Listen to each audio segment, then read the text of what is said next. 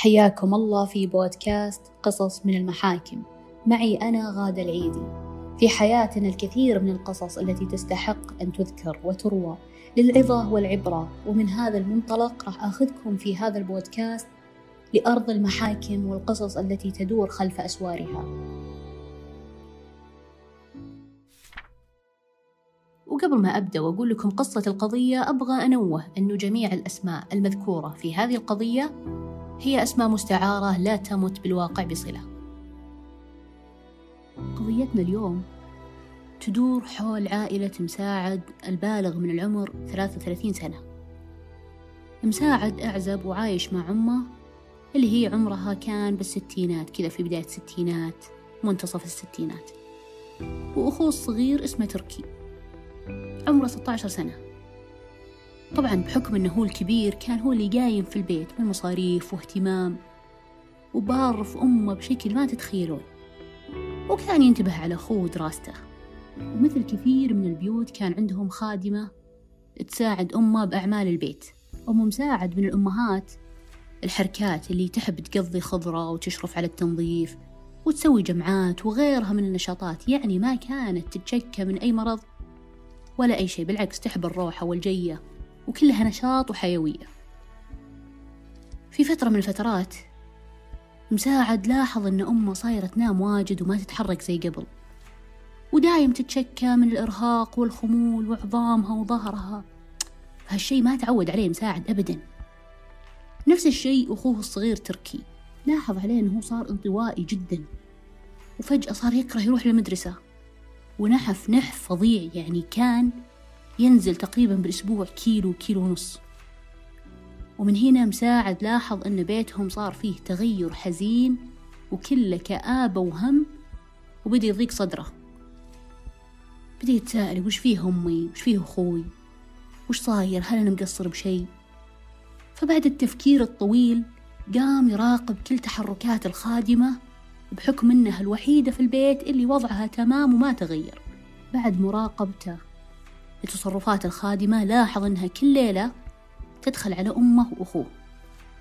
وبيدها كوب موية وتعطيهم إياه من غير ما يطلبون. هنا مساعد قرصه قلبه وصار يدقق يعني بشكل أكبر وبشكل أكثر.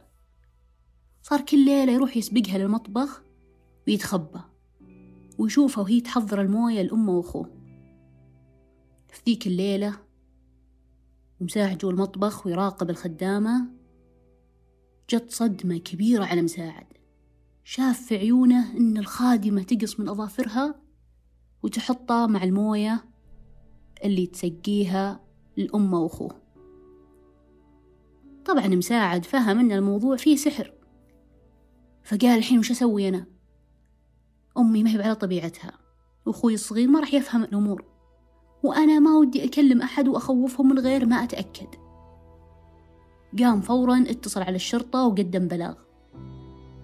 وقدم إفادته أن العاملة المنزلية المقيمة في منزلهم أنا شاك إنها مسوية سحر لأمي وأخوي. وأن بيتنا متضرر من هذه الأعمال اللي هي سوتها. وقال لهم كل التغيرات اللي لاحظها وحصلت بأم مساعد وأخوه تركي من فترة. مساعد قال للشرطة إنه أبيكم تجازونها بعقاب شديد. وتكفون يا جماعة هذه أمي جنتي مالي غيرها وأخوي مراهق صغير وضاع شبابه. فأنا دخلت ذاك اليوم بالمطبخ وشفت إن الخادمة معاها كوب موية وتحط من أظافرها جواها الكاس. فأنا ما أدري شاك أو متأكد إنها هي ساحرتهم لأنها الوحيدة اللي في البيت نشيطة وما تغير عليها أي شيء. قالوا للجهات المختصة ما عليك خلاص الموضوع صار عندنا. إحنا بنروح يعني نستدعيها ونستجوبها. وفعلا تم استجواب المدعى عليها اللي هي الخادمة. وفورا مباشرة كذا من أول ما سألها المحقق اعترفت. اعترفت بأنها سوت سحر لكفيلتها اللي هي أم مساعد وولدها تركي الصغير. والسحر كان تحط جوا كاس الموية أظافرها وكانت تسقيهم هالكاس خمس مرات باليوم لمدة سبع شهور. قالت للمحقق بس أنا الحين تبت وما عاد أسقيهم. بعد أخذ أقوالها واعترافها تواصلت الجهات المختصة مع رئيس مركز هيئة الأمر بالمعروف عشان يأخذون وش نوع السحر وإجراءات إبطالة.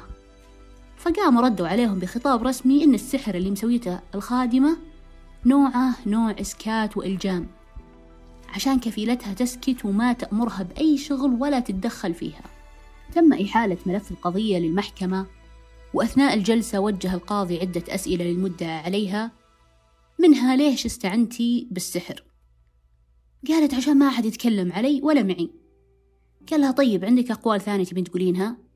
فجأة كذا وقفت قدام القاضي قالت إيه أنا أنكر ادعاء المدعي العام وقت الاستجواب لأن الشرطة ضربتني وخلتني أعترف إن أنا مسوية سحر بالغصب وضربوني عشان أنطق هالاعتراف.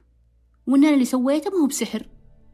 أنا بس كنت أقرأ قراءة تعلمتها من شيخ بالتلفزيون على كاس الموية. فبعد انتهاء التحقيقات والاستجواب والجلسات وبناء على ما تقدم من الدعوة والإجابة وبناء على إقرار المدعى عليها تحقيقا. يعني وقت التحقيق لما هي أقرت بقيام عمل السحر. وبما أن المدعى عليها أنكر الدعوة المدعي العام فليس هناك بينة مثبتة لما يدعيه. فقال القاضي لم يثبت لدينا إدانة المدعى عليها بما يوجب إقامة حد السحر لأن الحدود تدرأ بالشبهات كما ثبت لدينا إدانتها لقاء التهمة القوية بعمل السحر فحكمت عليها تعزيرا بالسجن لمدة خمس سنوات من تاريخ إيقافها في هذه القضية. وحكمت بجلدها خمسمائة جلدة متفرقة. وأوصي بإبعاد المدعى عليها عن البلاد بعد انتهاء محكوميتها اتقاء لشرها. وهنا تم المصادقة على الحكم. وانتهت القضية. العبرة من القضية العامل المنزلي ما هو إلا ضيف مقيم معنا لمدة محدودة. عشان كذا لا تامنه كامل الأمانة ولا تخونه. ولمن يلجأ لأعمال السحر وهدم البيوت وإلحاق الضرر بالآخرين إذا خوفك من الله ما ردعك فهناك قانون رادع. وبالختام الحمد لله على قوة القانون.